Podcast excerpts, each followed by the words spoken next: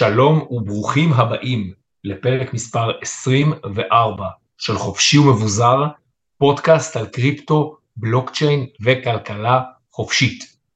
פרק 24, ארצות הברית נגד תעשיית הקריפטו.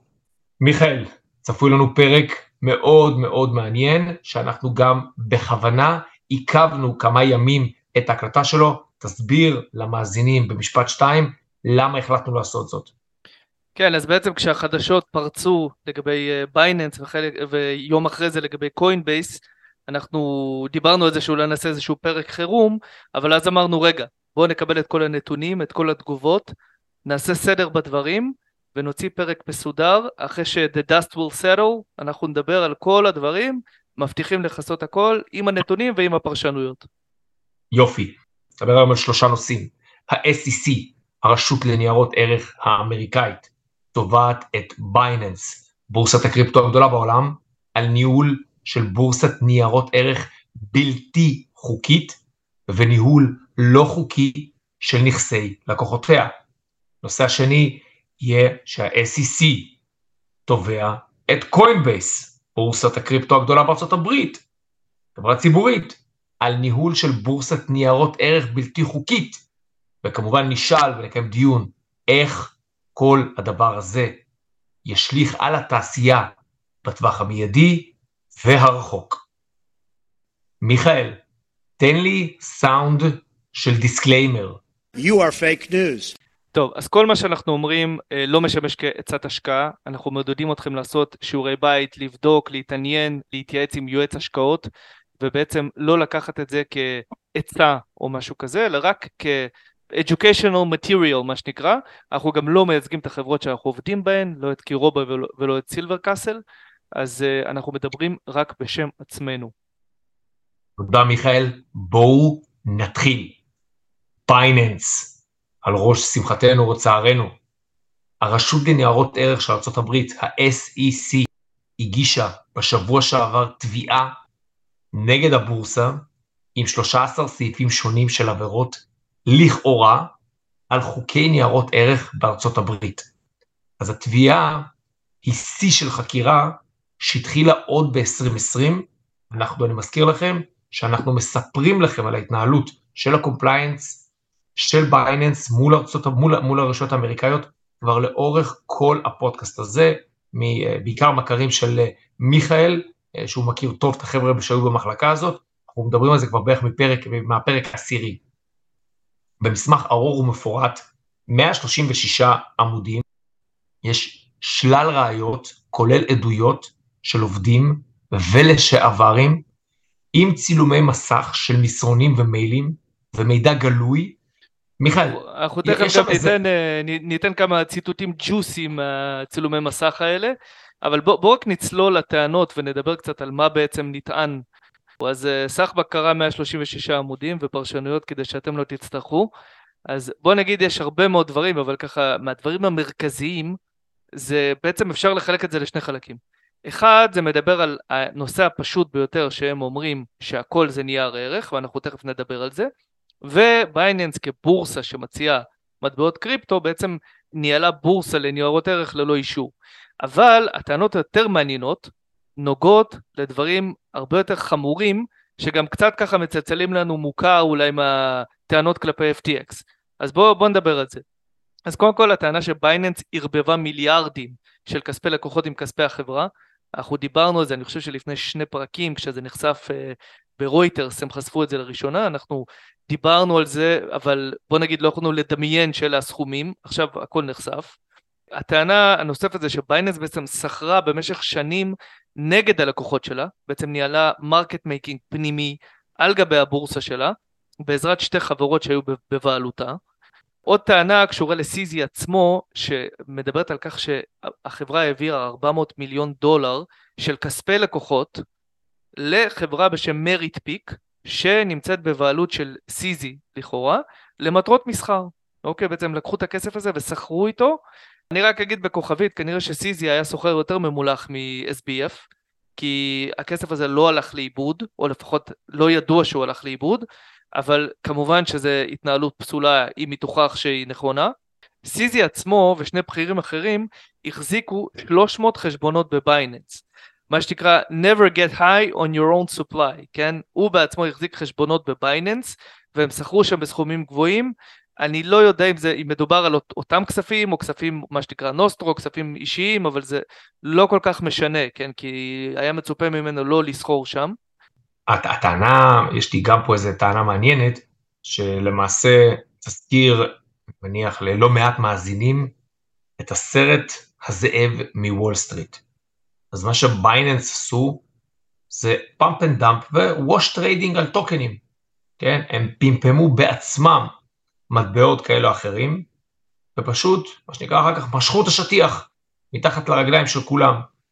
מטבע הגיע לשיאים גבוהים, הופ, הזדמנות, זרקו את כל הסחורה, את כל הנזילות שהיה להם חזרה לשוק, והמחיר צנח. מי שנמצא בשוק הזה מספיק זמן, בטח מי שהיה ב bull market הקודם, ב-2017-2018, בטח זוכר כמה הדבר הזה היה פופולרי, אבל לא רק, גם ב-2020, 2021, 2022, ראינו את זה עם פרויקטים חדשים, דווקא בתחומים יותר אה, של DeFi, אבל ראינו את זה לא מעט. כולם ידעו שבעצם ברגע שמטבע נכנס לבייננס, המטבע נוסק, אוקיי? נכון, נכון. עכשיו, זה לא היה כל כך מוזר לחשוב על זה שבייננס הבורסה הכי גדולה, ואתה יודע, עם הווליומים הכי גבוהים והפרסום הכי טוב, אז לא כל כך אה, מוזר לראות שכשאתה נכנס לבורסה הזאת זה עושה לך טוב. השאלה זה כמה טוב, כן? ועכשיו אנחנו מבינים שלפחות בחלק מהמקרים, לכאורה זה היה טוב מדי, כן? היו פשוט מריצים את המטבעות האלה. כן, ראו, ראו, ראו, ראו שהיה שם משחק של לוויתנים גדולים, אבל אף אחד, אני לא חושב שבאמת, אה, שבאמת אנשים האמינו ש CZ בעצמו עמד מאחורי הקלעים, ודאג לעשות את ה pump and dump הזה באמת, על מנת להעשיר עוד את הכיסים שלו. כן. אז בוא, בוא, בוא נדבר על עוד אה, טענות. בעצם אמרו שבייננס הציעו לאמריקאים חוזים עתידיים באופן חוקי, big no no בארצות הברית, בארצות הברית צריך מאוד מאוד להיזהר, כי החוקים של הרשות ניירות ערך בארצות הברית, ושוב, אני אומר לך, זה, ולמאזינים, זה, זה אקוויוולנטי באמת לעיסוק בפעילות טרור בישראל. כל תחום או כל עבירה שקשורה לטרור, סיוע, עידוד, whatever, אפילו שיתוף ברשתות החברתיות, כמה שזה מרתיח ומפחיד ישראלים, הדבר המקביל של זה, זה בארצות הברית זה, זה להתעסק עם הרשויות בתחום של ניירות ערך, של מסחר הוגן וציות לכל החקיקה הקשוחה, יש לומר, אה, של הרגולטורים האמריקאים. מיכאל, תמשיך. כן, לא, רק מה שאתה אומר, אתה יודע, אנחנו ראינו את העונש למיידוף, כן, שמיידוף בהחלט עשה דברים מאוד מאוד קיצוניים, כן, אבל, אבל בוא נגיד שאת העונש שהוא קיבל שם, שבעצם הוא נמק בכלא ו- ונפטר בכלא, זה משהו שלא היה קורה בשום מקום בעולם, כן, הוא היה מקבל איזה כמות מסוימת של שנים, אבל לא את את העשרות השנים שהוא קיבל אה, בארצות הברית, ובוא נגיד שגם אם הוא היה בן אדם יותר צעיר הוא היה מסיים את חייו בכלא. פה המקרה קצת שונה ואנחנו תכף נדבר על זה. הטענה האחרונה, ואנחנו תכף נרחיב על זה גם, אבל זה ככה לפינאלה, הדובדבן שבקצפת, SEC הגדיר את המטבעות של בייננס, את BUSD, את ה stable coin של בייננס, ואת BNB, את המטבע ה native של הרשת ושל אה, החברה, כניירות ערך. אוקיי? וזה מאוד מאוד חשוב. ואם הם אה, נייר ערך? אם הם נייר ערך, אז כמובן שאסור לסחור בו ואסור למכור אותו, אבל אנחנו תכף נדבר על שאר לכאורה ניירות ערך שהם אה, סחרו בהם. הבעיה פה זה ש-BNB זה הדם שזורם בעורקים של בייננס, כן? זה בעצם הכסף שאיתו אתה משלם את ה fees שלך, כי למעשה אם יש לך BNB, אם מי שמכיר פה, מי שסוחר בבייננס יודע שהוא מקבל אה, הנחה בעמלות, וזה בעצם הכסף שמזין את ה-chain, את הבלוקצ'יין של בייננס, אז זה הרבה יותר חמור מרק לסחור, כלומר זה פגיעה... כן, זה, נכון, זה, זה, זה מטבע שיש לו א', יוטיליטי אמיתי, שאם נכון. באמת משתמשים בו, הוא באמת נותן ערך אמיתי. אבל מיכאל, הכל זה היה מעניין. יש לך משהו ג'וסי בשבילי, משהו קצת צהוב מהחקירה הזאת? כן, אז הבטחנו ככה משהו קצת צהוב ועסיסי, אז בוא נגיד, כמו בכל סיפור טוב, בסוף אה, ההתכתבויות הפנימיות מתגלות. ומנהל תחום הציות בחברה כתב לקולגה שלו, שהוא גם uh, uh, היה ממחלקת הציות, We're operating as a fucking unlicensed broker in the United States, bro. המילה החשובה פה זה unlicensed, וזה משהו ששוב, לא עושים בארצות הברית. מה התגובה של בייננס? כרגיל, הכל FUD, fear, כן. uncertainty, doubt. הכל שקר, הכל קשקוש, לא היו דברים מעולם, בסדר, לא ציפינו שתהיה תגובה אחרת. אנחנו ראינו, אפרופו תגובות, ה-BNB, המטבע native של הבורסה, ירד בעשרה אחוזים. מי שאולי קצת פחות מכיר את שוק הקריפטו העכשווי של יוני 23, חושב, אה, קריפטו עשרה אחוזים, זה שטויות, זה מעט. לא, כבר לא, זה לא, התנודתיות הזאת של עשרה אחוזים, היא כבר לא מובנת מאליה, היא, היא נחשבת תנודתיות גבוהה, היא נחשבת נכון. תנודתיות גבוהה. מה, מה גם שה-BNB בכלל לא, לא רבה נחת בחודשים האחרונים, המטבע ירד, אה, אני, אני זוכר תקופות שהוא היה משהו כמו 700 דולר, עכשיו הוא בסביבות ה-300 ומשהו, פעם אחרונה שבדקתי, אז אה, זה בהחלט אה, ספג מכה קשה. ושוב, אני מזכיר שכל הכלכלה של בייננס בנויה על המטבע, אז, אז הכל עובר פיחות, מה שנקרא. תשוו את זה למדינה. כן, כן, כן, ממש ככה, זה, זה, זה ה mindset שצריך, כשחושבים על גוף כזה, להבין את ה mindset הזה. עכשיו תראו, התגובות המיידיות זה שבערך 1.4 מיליארד נמשכו מהבורסה, במה שנקרא Outflow, כמו שאומרים וכותבים, וזה מתוך של בערך כ-60 מיליארד שיש שם, ויש ויכוח על כמה באמת יצא. קשה שלא לחשוב מיד להשוות למה שנקרא ריצה אל הבנקים, או בריחה מהבורסה בסגנון FTX שראינו, שדבר כזה מיד יכול להוליך, להוביל לתבהלה של הציבור שמחזיק שם אה, כסף או, או קריפטו, וכולם רצים בבת אחת למשוך, ואז הבורסה לא יכולה לעמוד בעומס ובדרישה, והיא למעשה סוגרת את האופציה למשוך את הכסף, ומכאן זה כדור שלג שהסוף שלו ברור. עכשיו, פה הדבר הזה לא קרה. יש פה כמה נתונים מעניינים שאני רוצה להביא.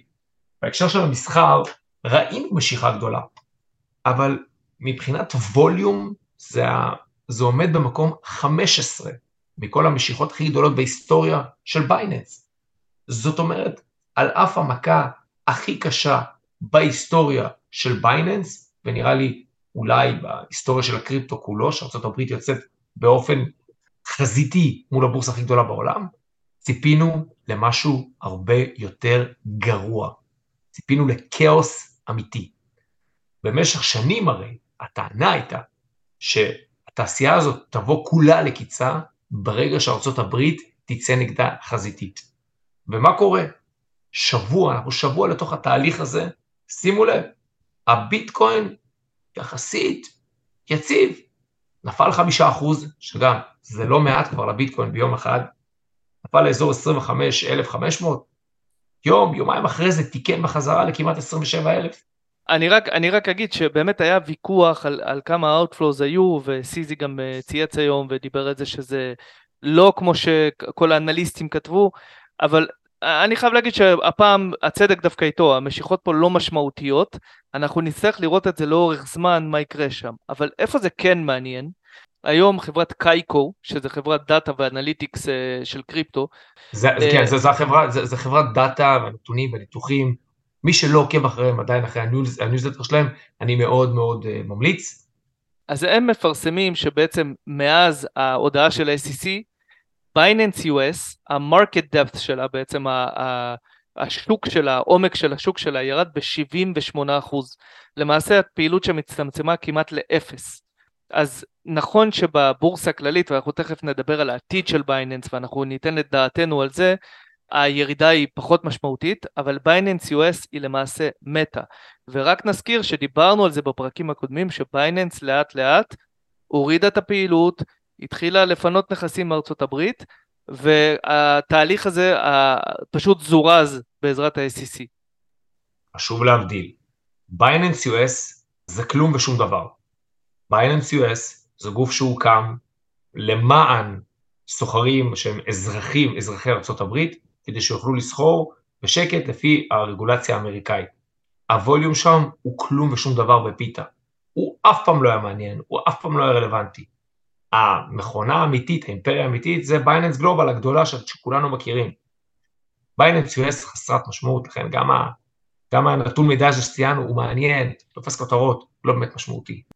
גם נזכיר, ש... ודיברנו על זה, שיש אה, פעולה של ה-CFTC, של הרגולטור השני האמריקאי שעוסק ב futures, ש... שבעצם הטענה העיקרית שם זה שבאמת בייננס העבירו ביודעין וברמיזה או שלא ברמיזה לקוחות מארצות הברית, כן, שהשתמשו בבייננס.קום דרך VPNים למיניהם וכל מיני אופשורים. אה, אז, okay. אז בהמשך למה שאמרנו על בייננס US, פעולה שה-SEC עושה ממש יום אחרי זה, מגיש בקשה לבית משפט להקפיא את הנכסים של בייננס US, והוא זימן את CZ לעדות. עכשיו פה צריך להבהיר משהו, זה לא מדובר על זה שעכשיו הוא צריך לבוא לשם אה, לצעוד לאיזה תחנת משטרה לתת עדות, הם נתנו לו להגיב על הטענות באופן אישי, הוא יכול לעשות את זה בכתב, ובאמת היו הרבה כותרות שזעקו את זה והן לא היו כל כך נכונות, אבל זה עוד פעולה שעושים. סיזי גם אמר, במילים אחרות, ככה אם תקראו בין השורות של הציוץ שלו, הוא אמר, טוב, נו, גם אם הם ייקחו את הנכסים של בייננס US זה peanuts. זה בהמשך למה בדיוק כמו שאומרים, נכון.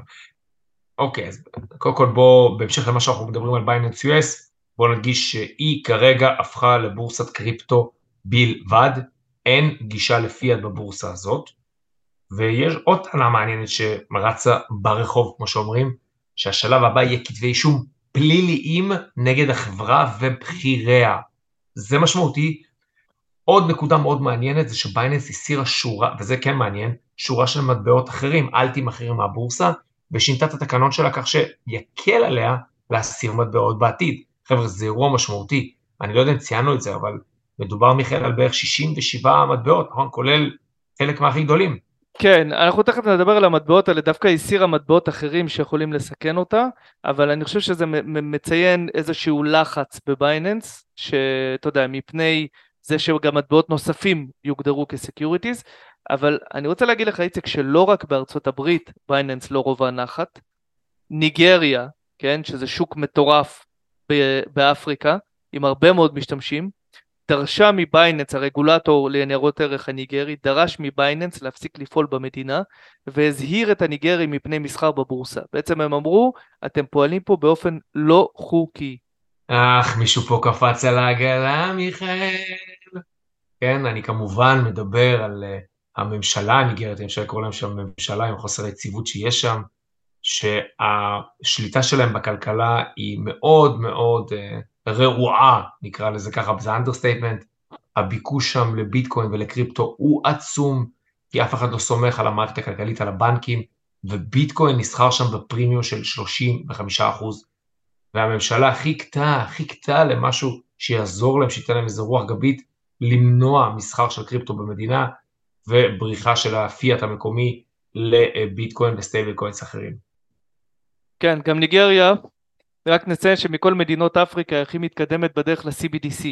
אז אם מישהו פה מזהה את הקשר בדברים, אז זה, זה לא מקרי, לא מקרי. או, תכף אנחנו ניגע בזה עוד. מיכאל, אבל הדרמה לא נגמרה בבייננס. ממש ככה. 24 שעות אחרי אירוע בייננס, אחרי האירוע אולי הכי משמעותי בעשור האחרון בשוק הקריפטו, קורה נופלת פצצה נוספת. מיכאל, תן לי סאונד של פצצה.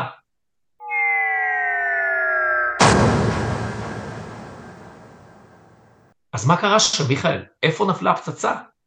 ועל מי?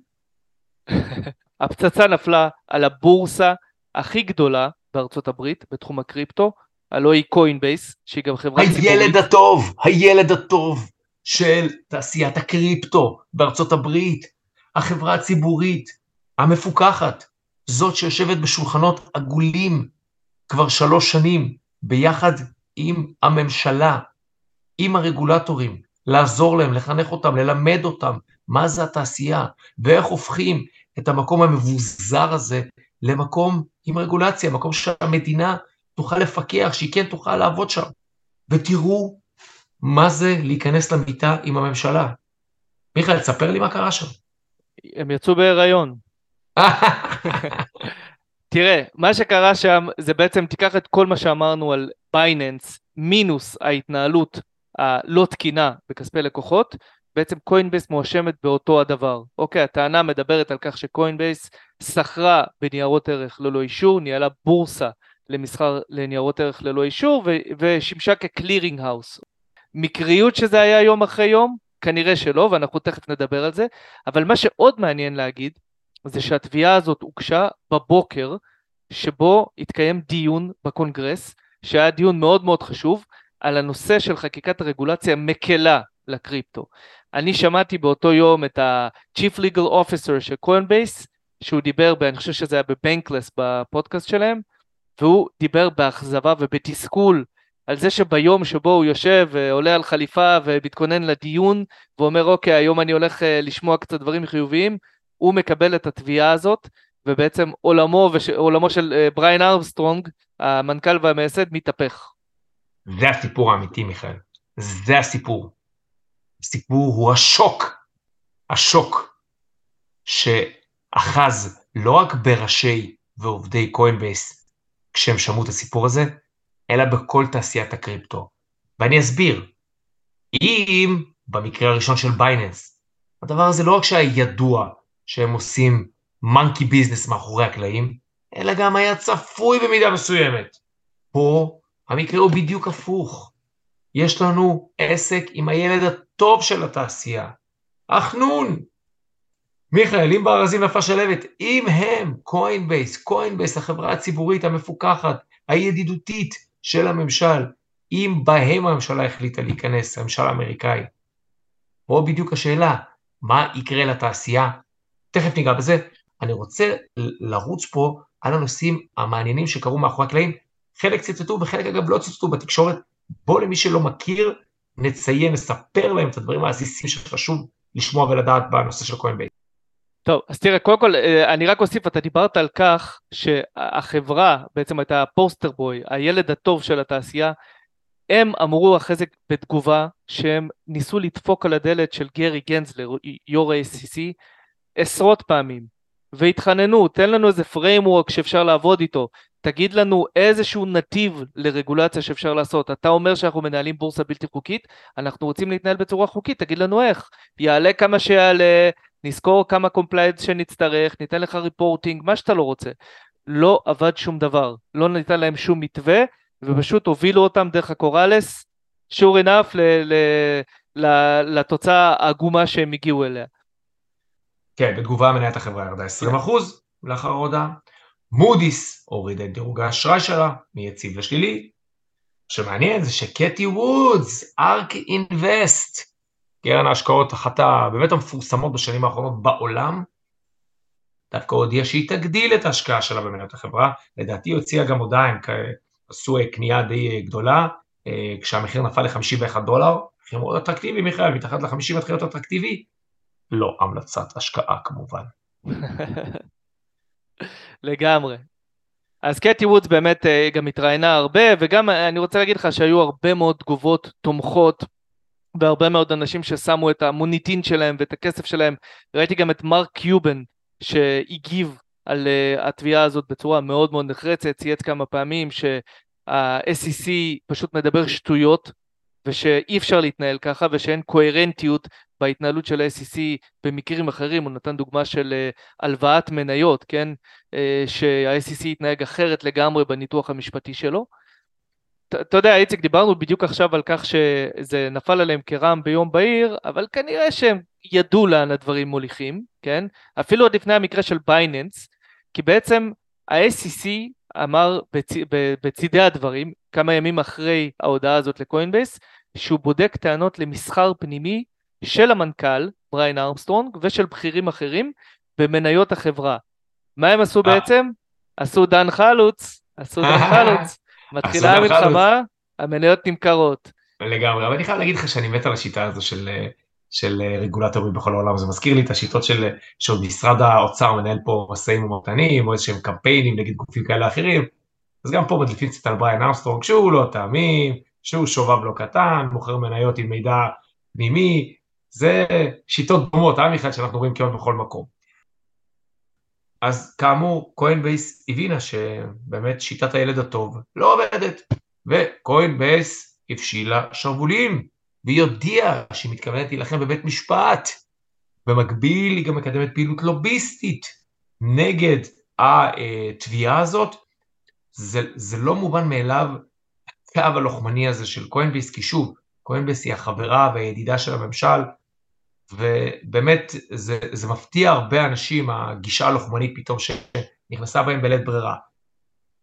הנה מה שמנכ"ל קוינבייס למעשה אומר, בין אם ננצח או נפסיד, המהלך שלנו טוב לתעשייה. תעשייה זקוקה לבהירות, או דרך בתי המשפט, או דרך חקיקה.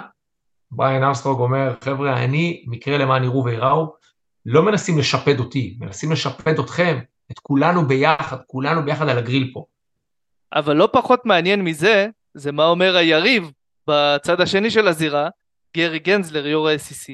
הוא אומר, מספיק לי להוכיח שמטבע אחד מתוך ה-250 שקוינבייס מציע הוא נייר ערך, כדי לנצח במשפט. אז שני הצדדים בטוחים בצדקתם וביכולתם לנצח, בטוח יהיה מעניין. אוקיי, נכון זה מעניין, אז בוא נדבר רגע על הגישה של גרי גנסלר, יושב ראש ה-SEC, כלפי הקריפטו. כן, אז בעצם אחרי שהוא הפיל את שתי הפצצות, גנזלר, מה שנקרא, משחרר את פיו ומתחיל לדבר, כן, והוא ככה קצת שיכור uh, מכוחו ומהצלחתו, מה שנקרא, והוא מוציא כמה התבטאויות מאוד מעניינות, שבעצם חושפות את מה שהוא חשב כל הדרך, שהוא היה מאופק, ואם אתה זוכר את הדיון בקונגרס, שהוא ישב וענה כזה בצורה מאוד מאוד ישירה ומאוד אמריקאית לשאלות, פה הוא כבר מדבר בצורה הרבה יותר משוחררת. ומה הוא אומר? We don't need more digital currency. We already have digital currency. It's called the US dollar.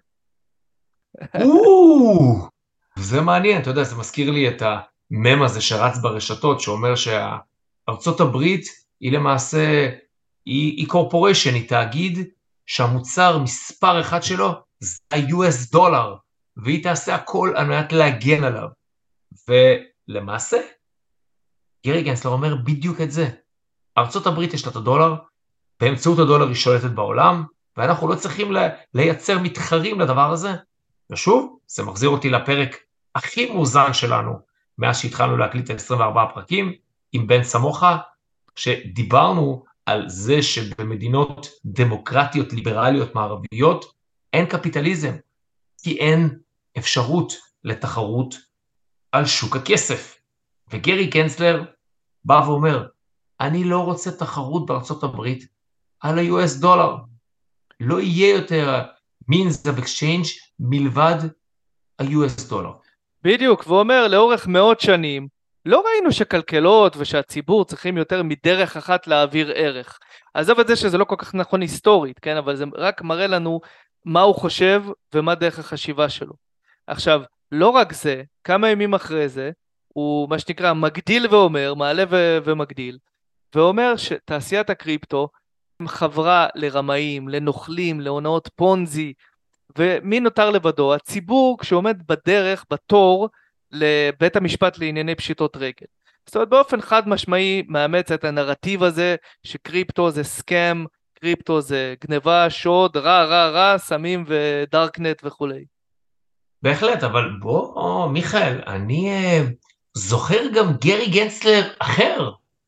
הרשת הרי אה, מלאה בסרטונים של גרי גנצלר אחר, לא רחוק, בשנת 2019, כשהוא עדיין לימד ב-MIT, והוא דיבר על החשיבות של הביטקוין ועל טכנולוגיית הבלוקצ'יין, ואתה יודע מה, אני אפילו זכרו, זוכר פרט אה, שהפך לקצת צהוב ומעניין בכל הסיפור הזה, פרט אה, משנת 2019, שמגלה לנו שגרי גנצלר בכבודו ובעצמו ביקש לשמש כיועץ של בייננס בזמן שהיה מרצה ב-MIT, וסורב.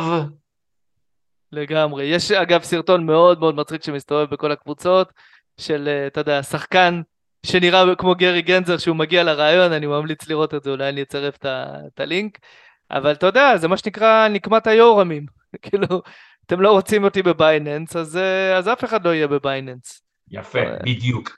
בואו חברים נדבר על הנושא שבאמת מעניין את כולנו. אוקיי, הבנו, יש בעיה עצומה עם בייננס, יש בעיה עם קוינבייס, אנחנו רואים שארצות הברית בסוף נקטה צעד בינארי ברור מאוד.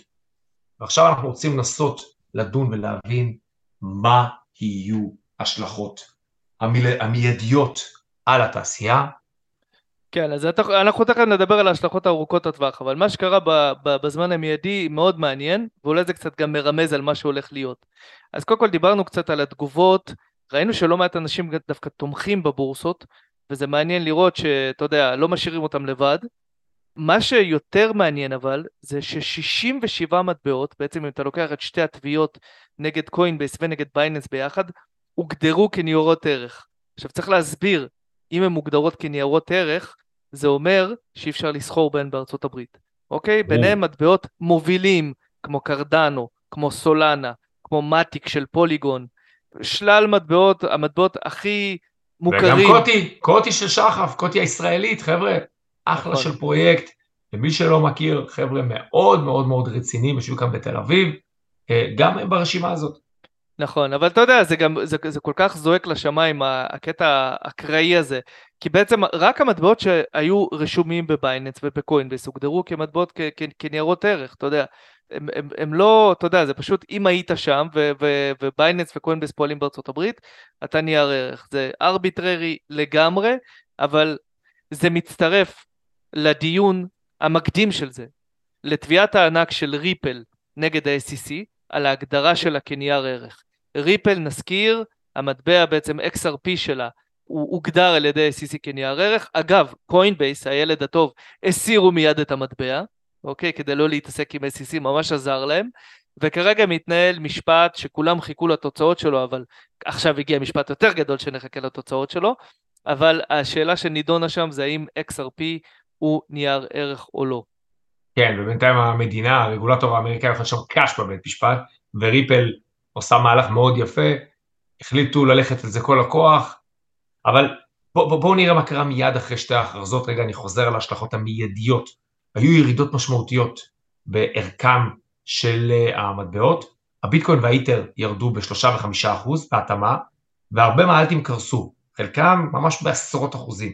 כמו שאמרתי מקודם, הביטקוין תיקן כמעט לחלוטין בחזרה, הוא עדיין נפגע, זה עדיין לא טוב לו, הוא נסחר אה, באזורים של 26, 600, 500, נוגע ב-27, אבל יש פה גם סיפור אחר, הוא שם בצד, באמת מפריד בין ביטקוין לכל השאר. אה, אפשר להגיד גם את איתריום במידה מסוימת, כי לא מצליחים לענות פה על השאלה אם הוא נייר ערך או לא, אבל כן, זה די ברור שגם איתריום כנראה יהיה exclude, אבל יש פה סיפור מעניין, יש פה את ביטקוין ואיתריום שאף אחד לא נוגע בהם, וגם במיוחד בביטקוין שאף אחד לא רוצה לגעת פה. כמעט אומרים לנו, הם, הם לא יגידו את זה באופן רשמי, עדיין, אבל הם אומרים, ביטקוין מבחינתנו legit. ביטקוין מחוץ לסיפור, וזה לא כי הם חובבי ביטקוין, אף אחד שם לא חובב של סאטושי. ההפך, ההבנה של הביטקוין היא מערכת מבוזרת לחלוטין, ואין אבא ואימא אחד, דירקטוריון, מנכ"ל, או מישהו לשלוח לו את המכתב, אי אפשר להילחם בו. אי אפשר, זה מקרה אבוד. זה join them or lose. כל אותם מטבעות, סולנה, מתי, קרדנו, קוטי, ראינו שם ירידה של עשרות אחוזים, באמת אה, לא המלצת השקעה, אה, לא המלצה to buy the deep, אבל סיפור מאוד מעניין. רובינהוד במקביל, מיכאל, קורה גם שם משהו מעניין. כן, רובינהוד, פלטפורמה למסחר zero fee מה שנקרא, שבעיקר הם התחילו ממניות, לא מזמן הם הוסיפו גם קריפטו, עכשיו הם הודיעו שהם יבחנו מחדש את ההתנהלות שלהם עם הקריפטו, והם הסירו שורה של מטבעות מהאפליקציה. בעצם רובינהוד לא רוצה להיות קוינבייס, וזה גם ככה חלק קטן מהפעילות שלה, אז היא מתרחקת מקריפטו כמו מאש, לא סימן כל כך טוב. אבל מיכאל, יש מי שגם נלחם נגד זה. אנחנו רואים שיש מספר, מספר הצעות חוק בקונגרס שמבקש לשנות את הרגולציה על שוק הקריפטו. זאת אומרת, יש פה צד אחר לגמרי, יש פה בהדרגה, אה, דיברנו על זה בפרק הקודם, אנחנו רואים שגם בתוך הסנאט והקונגרס האמריקאי, השיח, האידיאולוגיה סביב הקריפטו, כן מתכנסת לשתי מחנות, תומכי החופש הרפובליקנים, החביבים עלינו, כמו טד קרוז, קרוז, שמבחינתם ביטקוין, בטח, בטח גם אה, מטבעות קריפטו אחרים והתעשייה, צריכה הביטקוין, סתם טד קרוז, כמו שציינו אנקדוטה מבחינתו, גם במכונות, משק... מכונות המשקאות בקונגרס, צריך לאפשר תשלום בקריפטו, בביטקוין. זאת אומרת, עד איזה רמה זה חשוב להם התחרות אה, שם במדינה, אז כן, יש, מחוקקים, יש מחוקקים אמריקאים שממש נלחמים לשנות את רוע הגזרה הזה, ולשנות את החוקים שהתעשייה תוכל להמשיך לפעול.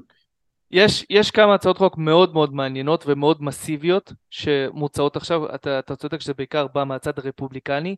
עוד פרט מעניין, ודיברנו על גנזלר, אומרים שהוא בעצם משמש כסוג של פרוקסי של אליזבת וורן, שנזכיר שהיא רוצה להקים anti crypto army, ויש כאלה שאפילו אומרים שהוא רוצה להיות שר האוצר הבא של ביידן, אם ביידן ייבחר, חלילה. ובעצם אה, אנחנו רואים פה את שני המחנות בצורה מאוד מאוד אה, אה, ברורה, ניצבים אחד מול השני. משהו מאוד מעניין שמציעים באחת ההצעות, זה לשנות את ההגדרה של מהו משקיע כשיר. הרי אתה יכול לשווק ניירות ערך למשקיעים כשירים, אבל היום ההגדרה של מהו משקיע כשיר זה בן אדם שהוא מרוויח איקס אלפי דולרים בשנה, שזה סכום מאוד מאוד גבוה, ובן אדם... מיליון דולר בשנה בארצות הברית, כן. כן, בן אדם עם השכלה פיננסית וכולי. בעצם יש הצעה שמדברת על בוא נוריד את הרף, אוקיי, בוא נעשה לך איזשהו מבחן בסיסי, לראות כן, שאתה לא טמבל גמור. דרכים עוקפות, כן. סיפור, סיפור אה, חיי בשנתיים האחרונות, דיברנו על זה לא מעט פה, אנחנו עובדים בסילבה קאסה רק עם משקיעים כשירים בישראל, ואני יכול להגיד שההגדרות המטופשות האלה בחלקם פשוט מונעות מאנשים מסוימים להיחשף במכשירי השקעה מדהימים, ואתה יודע, לא ניכנס לזה כבר, אבל זה מה שנקרא, that's why the rich get richer, כי בחקיקה הם חסמו את האופציה לאנשים רגילים יותר במרכאות, להיות חשופים למכשירי השקעה אחרים טובים. כן, ונפנה אז... אנשים לפרק עם אלי, עם אלי מזרוך המנכ"ל של סילבר קאסל, שדיבר על זה באריכות והסביר למה זה בעייתי. אה, אלי מזרוך המנכ"ל של סילבר קאסל הגיע אצלנו לראיון, אחת התוכניות הראשונות, אה, לכו להאזין. טוב, מיכאל, בוא, בוא נפתח את זה דיון. טוב, תשמע, אז אנחנו שמענו פה על המתקפה רבתי הזאת של אה, ה-SEC נגד בייננס, נגד קוינבייס, וככל הנראה נגד כל תעשיית הקריפטו, ונשאלת השאלה, מה יקרה עכשיו? אבל בוא, בוא נתחיל מבייננס, אוקיי? כי יש פה גם השלכות נרחבות על כל העולם. איציק, מה, מה דעתך? מה יהיה עם בייננס? are they toast? מה שהיה, בסוגריים FTX, הוא לא מה שיהיה, בסוגריים בייננס. אני רוצה לתת לך דוגמה, כשהתחיל באמת הרייד הזה על, על בייננס, הרי החשש הגדול היה שתהיה ריצה אל הבנקים, ירוצו לבייננס, למשוך את כל הנכסים. אממה, בייננס לא פראיירים. לבייננס, שהם דאגו להציג את זה גם, יש ארנק אחד שמחזיק 649 אלף ביטקוין. זה אחד הארנקים הכי גדולים בעולם, אחרי סטושי שמחזיק מיליון, שלא זז כבר 11-13 שנה. זאת אומרת, בא ואומרת, חבר'ה, הבנו, יש פה איזושהי בעיה, קצת מאיימים עלינו, אבל תכירו, אין לנו בעיית נזילות. והנה הארנקים, הנה האונצ'יין, הנה זה גם היופי הרי בבלוקצ'יין, שאנחנו יכולים להראות לכולכם, הנה הארנק שלנו, הנה החשבונות. זה לא איזה מערכת בנקאית שלאף אחד אין גישה אליו. יש פה בלוקצ'יין חשוף, פתוח לכולם, שמראה, חבר'ה, זה הכתובת של הארנק. אז קודם כל בהקשר הזה, אני אומר שבעניין של הנזילות, כנראה לא תהיה שם בעיה גם בהמשך. שתיים, כמו שציינו לא פעם פה בפרק הזה, בייננס היא הרבה יותר גדולה מעוד בורסה, מעוד חברה. יש אפילו טענות, מיכאל, שאתה סיפרת עליהן שמעלים בעולם, שמי שעומד מאחורי בייננס זו מדינה. גם, כן, לא קשה לנחש איזה מדינה יכולה לעמוד מאחורי זה, בסוגריים, סין כמובן. לראיה, אנחנו רואים בימים האחרונים, ביומיים האחרונים, הרבה הצהרות דיבורים מכיוון סין סין בהפתעה ורוסיה, שהם רוצים לעשות למעשה לגליזציה בחזרה לשוק הקריפטו. הרי אין ואקום בעולם, מיכאל. האמריקאים לא רוצים, הדבר הזה יעבור לאנשהו, כי יש שם ערך ועניין ולקוחות. איפה אני רואה את זה? אני, על מה אני מסתכל? אני מסתכל על המסחר, מיכאל, על ווליומים. אני רואה את התנועה. אני יכול לדבר, אני יכול לספר לך שאצלנו הסוחרים, הנה אתמול היה לנו דיון. הם אמרו לי, איציק, תשים לב, שאנחנו רואים את שעות המסחר, תנודתיות, הווליום הגדול באמת, בשעות אה, אסיה, לפנות בוקר שלנו, שעון הונג קונג וכולי, בייג'ין, זה השעות שאנחנו רואים, זאת אומרת, אנחנו רואים שכל הערך והפעילות הזאת לא נעלמת, היא רק זזה, זה כמו אנרגיה, אתה לא יכול לעצור את הדבר הזה. תרשה לי, תרשה לי לחלוק עליך. אני חושב ש... לא לגמרי לחלוק, לא 180 מעלות, אבל אני, אני חושב אה, בצורה קצת יותר מורכבת. אני התראיינתי השבוע בפודקאסט, פודקאסט שיותר מדבר על פינטק קלאסי ומישהו שפחות מכיר את עולם הקריפטו, ואחד הדברים שהוא אמר לי זה, אוקיי, אז בייננס is toast, כן? כאילו זהו, נגמר, נגמר, הקריפטו נגמר, זהו, all is lost, מה שנקרא. כמובן שזה לא המקרה, אוקיי? גם אם, אתה יודע, במהלך הדרך היא תתפרק, היא תצ... תצטרך הרבה יותר מזה כדי להתפרק. אז זה מכה בכנף, לא מכה קלה, מכה בכנף, בהחלט, אבל זה נכון שהספינה הזאת יכולה להמשיך, תראה איך אני קופץ בין דימויים, כנף וספינה. הספינת אוויר הזאת יכולה להמשיך ו- ו- ועוד לנסוע, וכמו שאתה אומר, יש לה רזרבות מאוד נאות וכולי. איפה זה מסתבך?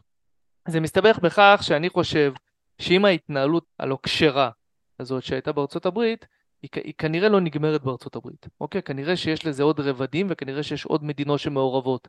עכשיו, ה-FCA בבריטניה הוא לא פראייר. באפין בגרמניה, הרגולטור הפיננסי, לא פראייר. וכן הלאה וכן הלאה, כן? גם האוסטרלי וכולי. אנחנו כבר רואים שבאוסטרליה בנקים שם מצמצמים מגע עם בייננס, וכנראה שלא בכדי.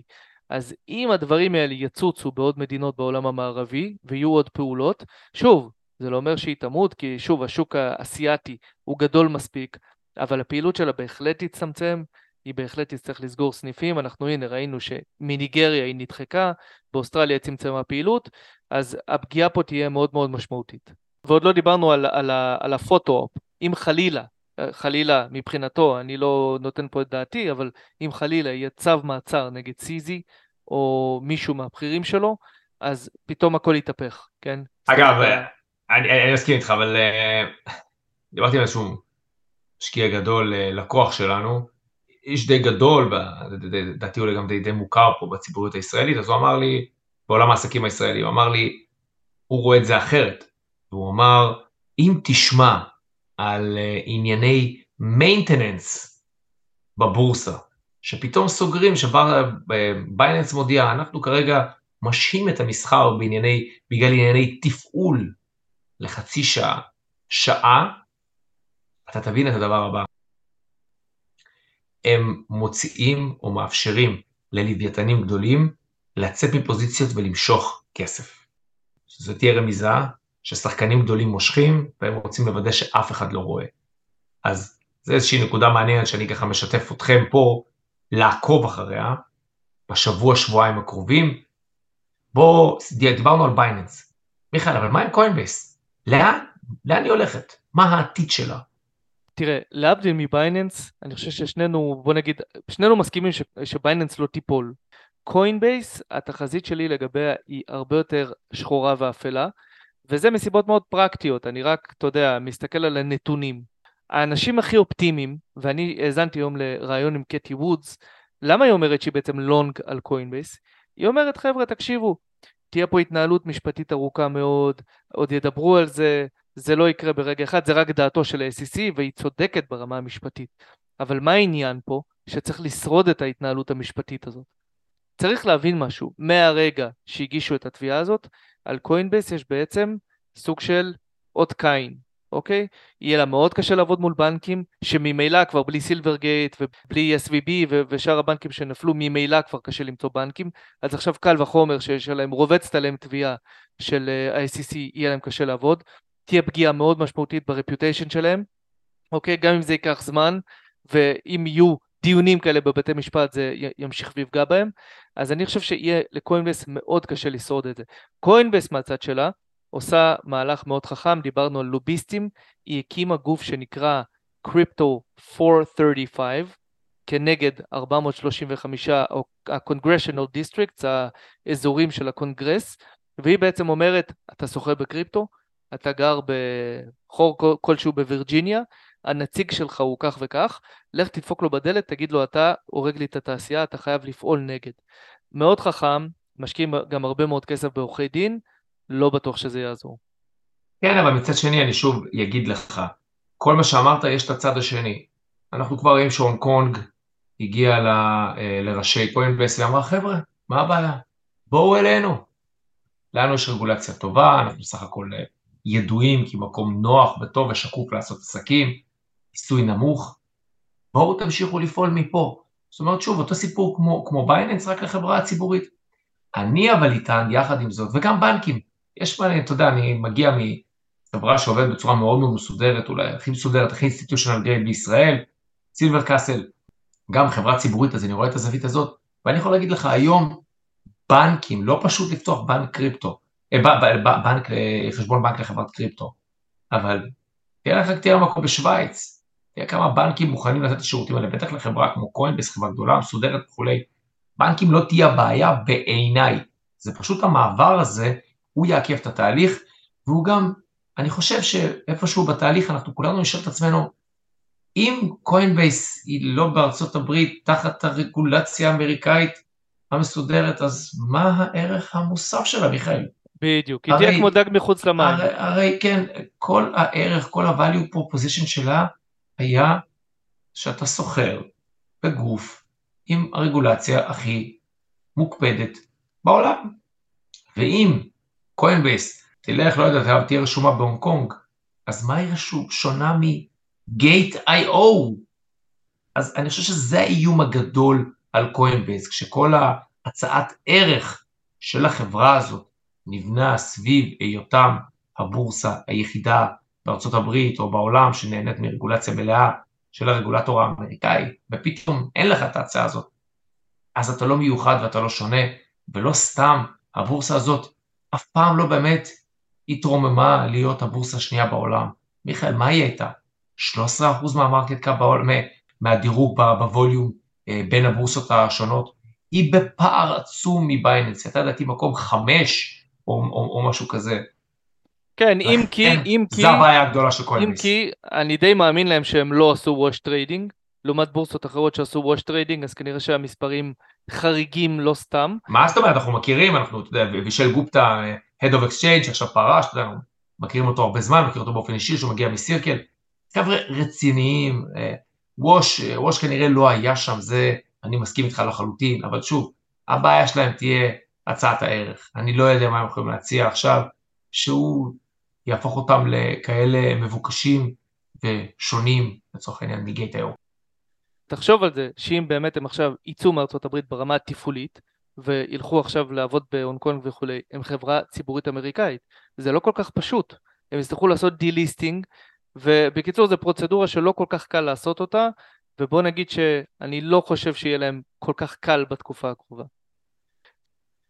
האם הקריפטו מת בארצות הברית? אני רוצה להתחיל עם הסיפור הזה. מה זה האם הקריפטו מת בארצות הברית? מה זה ארצות הברית? קודם כל ארצות הברית זה אזרחים, חברות שסוחרות, שיש להם עניין במסחר.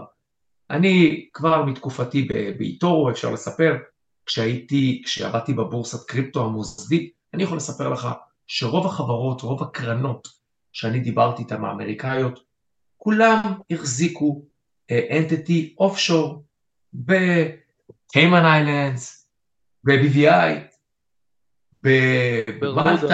ברמודה, נכון, הרבה ברמודה אגב. למה? כי כולם רצו את האפשרות, אני מדבר איתך על 2020, כולם רצו את האפשרות לסחור בקלות, בקריפטו, בפלטפורמות שונות, מגוונות, שהיא לא Coinbase.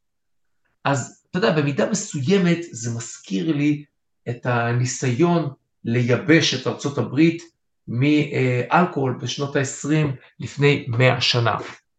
הרי היה ביקוש גדול לאלכוהול. זה שיש איזשהו מסמך שכתוב עליו, שחתמו עליו כמה רגולטורים וכמה פוליטיקאים, שמעכשיו אסור לשתות אלכוהול, זה לא אומר שאנשים הפסיקו באותו רגע לשתות, כי חתמו, כתוב על איזשהו מסמך אה, חוק היובש, לשתות. מה שנקרא. כן, חוק היובש. אותו דבר בקריפטו, יש 300 מיליון ארנקי ביטקוין, זה ביטקוין. הרי מה, אם מחר יהיה איזשהו מסמך שכתוב עליו שאסור להחזיק ביטקוין, או אסור לסחור בו, בבת אחת 300 מיליון איש יפסיקו לסחור בו? לא. והאמריקאים מבינים את זה. אני אומר שיש פה תהליך הרבה יותר גדול. קורה פה משהו הפוך. התחלנו את תהליך אימוץ הקריפטו הגדול ביותר בהיסטוריה. מה שהאמריקאים למעשה אומרים, זה שאנחנו רוצים לשחק בעצמנו במשחק. הטענה הזאת שעכשיו אני אשמיע בפניכם, רצה, מה שנקרא, ברחוב כבר חודשים מדברים על זה, והנה לאט לאט היא מתגשמת. מה שקרה ב-13 השנים האחרונות, זה שגופים פיננסיים קטנים, או אזוריים, בנקים שהם ריג'נלס, עשו רווחים פסיכיים משוק הקריפטו, רווחים דמיוניים. אחרי 13 שנה, כש-JP ובלק רוק וכל הגדולים מבינים שהתעשייה הזאת here to stay, הם באים ואומרים למעשה, אוקיי חבר'ה, תודה רבה לקוינבייס, תודה רבה לכל הבנקים האזוריים הקטנים, תודה רבה, רבה לכולכם, עשיתם כסף, עכשיו תפנו את הבמה, אנחנו נכנסים. אנחנו ראינו שיש פה proof of concept, שיש פה 300 מיליון משתמשים, שערנקי ביטקוין, אנחנו רוצים להכניס עכשיו 3 מיליארד איש. ולכן אנחנו צריכים את הרגולטור, אנחנו נכנסים ביחד. והאמריקאים מבינים את זה. אי אפשר להילחם בקריפטו, אי אפשר להילחם בביטקוין. אז צריך להסדיר את הסיפור הזה. קודם כל צריך לנקות את כל מי שיכול לעשות לנו רעש ולהפריע, להפריע במרכאות בתחרות, כן? הם בהדרגה. אז מה אתה, רגע, אני רק, רק רוצה לזקק את הרעיון שלך. אתה אומר בעצם שיהיה עכשיו גל רגולציה, ואז ייכנסו שחקנים מוסדיים גדולים, ובעצם הם יבנו מחדש את התעשייה? זה בדיוק מה שאני אומר, אני לא יודע אם יבנו, אבל הם ייתנו את התשתית, הם ייתנו לך את הבנקים, הם ייתנו לך את חברות המסחר, הם ייתנו לך את כל האפשרויות לסחור, להחזיק, custody, כל מה שאתה צריך, אבל דרך, אתה יודע, חברות הלגאסי הגדולות, כל ה-JP למיניהם. ולמה הם? כי המדינה יודעת איך לעבוד איתם, המדינה מבינה אותם, אתה מכיר את זה, הפקידים מכירים אותם, הם מכירים את הפקידים, והם יודעים שדרכם אפשר לפקח, אפשר למסות וליהנות מהרווחים, זה מה שהמדינות רוצות, והן לא יכולות לעבוד גם עם בייננס, והן לא יכולות לעבוד עם קוינבס באמת, לכן הם צריכים לעבוד עם מי שהם מכירים, עם הגדולים, שיאפשרו למיינסטרים הרחב, ל-average Joe באלבמה, לסחור ולפקח עליו. לכן הטענה שלי היא כזאת, מה שאנחנו רואים עכשיו זה תהליך שייקח כמה שנים, שבמסגרתו, אחד, כל הבנקים ומוסדות פיננסיים הגדולים יקבלו אישור לעשות קאסטדי, לעשות מסחר וכו' וכו' בקריפטו. שתיים, אנחנו נראה את כניסת ה-CBDC, את הדולר הדיגיטלי נכנס למשחק. למעשה הם מייצרים לעצמם עכשיו איזשהו גן סגור, שוב, אני מדבר על תהליך ארוך, אני כתבתי על זה לדעתי גם בעבר, אני מדבר על תהליך שיימשך עד 2030. אתה יודע, יש אה, אמירה מאוד יפה של מרק טוויין. הוא אמר שהשקר יכול לעבור חצי עולם כשהאמת עוד קושרת את השרוכים שלה. עכשיו, בפרפרזה לזה, אני לא מסכים איתך כלל וכלל, ואני אסביר לך גם למה. יכול להיות שכל מה שאתה אומר זה נכון, ואולי זה באמת התוכנית של JP, ואולי זה באמת התוכנית אולי גם של ממשלת ארה"ב ביחד עם JP ועם Goldman uh, Sachs וכולי. ואולי באמת רוצים עכשיו לבנות את זה כמו שצריך, build back better מה שנקרא, כמו שביידן אומר, אבל בזמן שהם יבנו, מי שייכנס עכשיו זה יהיו שחקנים לא מרוגלצים, זה יהיו שחקנים אפילו לא מוכרים. מה שיקרה עכשיו זה ש Coinbase כנראה תצא מהתמונה, קראקן גם שלא דיברנו עליה כנראה תצא מהתמונה, Binance כבר יצאה מהתמונה, ועוד שחקנים יצאו. מי ייכנס במקומם? פרוטוקולים, faceless, אוקיי? שמי שמפעיל אותם זה איזה יורה ברוסיה, כן? או איזה צ'אנג בסין, אוקיי? שיושב בכלל ב Cayman Islands ומרוגלץ בסיישל, והכסף בכלל יושב ב custody במקום אחר. אף אחד לא יודע, הכל permissionless, מעלים אתר באנגלית מצוינת, עושים אחלה marketing ב Twitter וב Discord, והאמריקאים נופלים בפח. זה מה שיהיה. אוקיי? התעשייה הזאת אי אפשר לעצור אותה, ולצערי הרגולטורים, בכך שהם הולכים על הראש של השחקנים הגדולים, שחלקם אנחנו רואים עושים הרבה דברים שהם לא בסדר, בין אם זה ברמה הטכנית ובין אם זה ברמה הממש, אתה יודע, כוונת מכוון של להתעסק עם כספי לקוחות, זה פינאץ ליד מה שאנחנו נראה בפרוטוקולים לא מרוגלצים שייכנסו למשחק הזה. ואני אומר לך שבשנתיים, שלוש, ארבע, חמש, עד ש-JP תזיז את עצמה לבנות את התשתית הטכנולוגית והמרוגלצת, עד שהקונגרס יסיים את הרגולציה, אנחנו נראה פה את כולם, כמו שהאמריקאים מכורים לפנטניל, הם יהיו מכורים ל DeFi הלא מרוגלץ, ואני חושב שבסוף גנזלר במובן הזה והפעילויות שהוא עושה עכשיו, עוד uh, ייזכרו לדיראון עולם, כי בסוף מי שיחליף אותם יהיו שחקנים הרבה הרבה פחות נחמדים. אוקיי, okay, בואו בוא טיפה גם כמה מילים על מה זה אומר על התעשייה העולמית. מה שחשוב בעיניי להבדיל זה בין הביטקוין לכל השאר.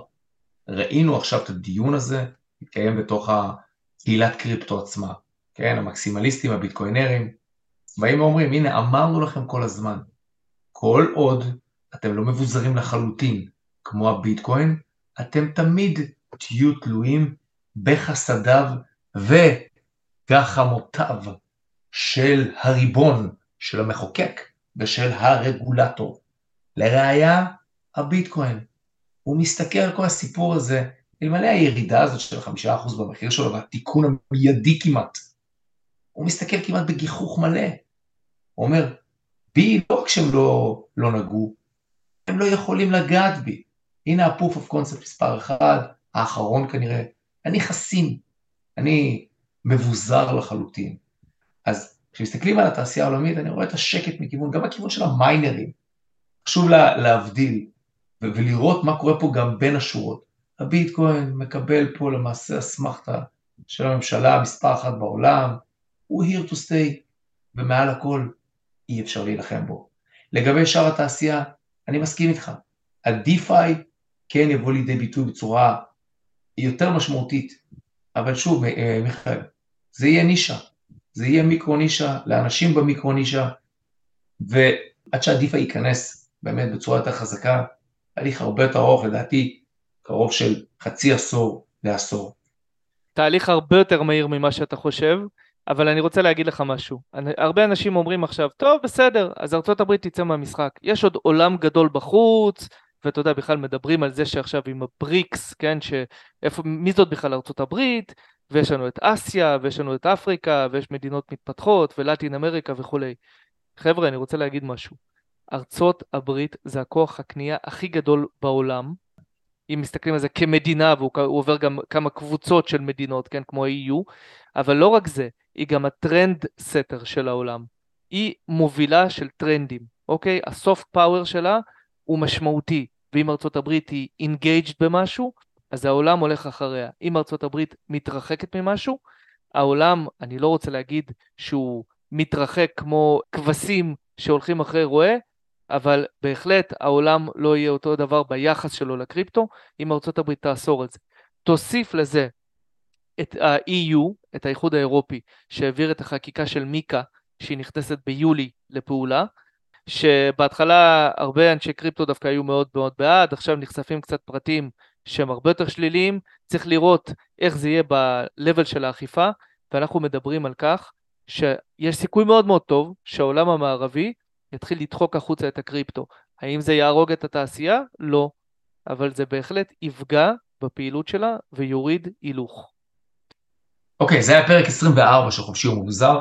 טוב, אה, לסיכום, רק נגיד לכם, כאמור, יש לנו קבוצת טלגרם מעניינת, אנחנו נותנים שם דיווחים במהלך השבוע.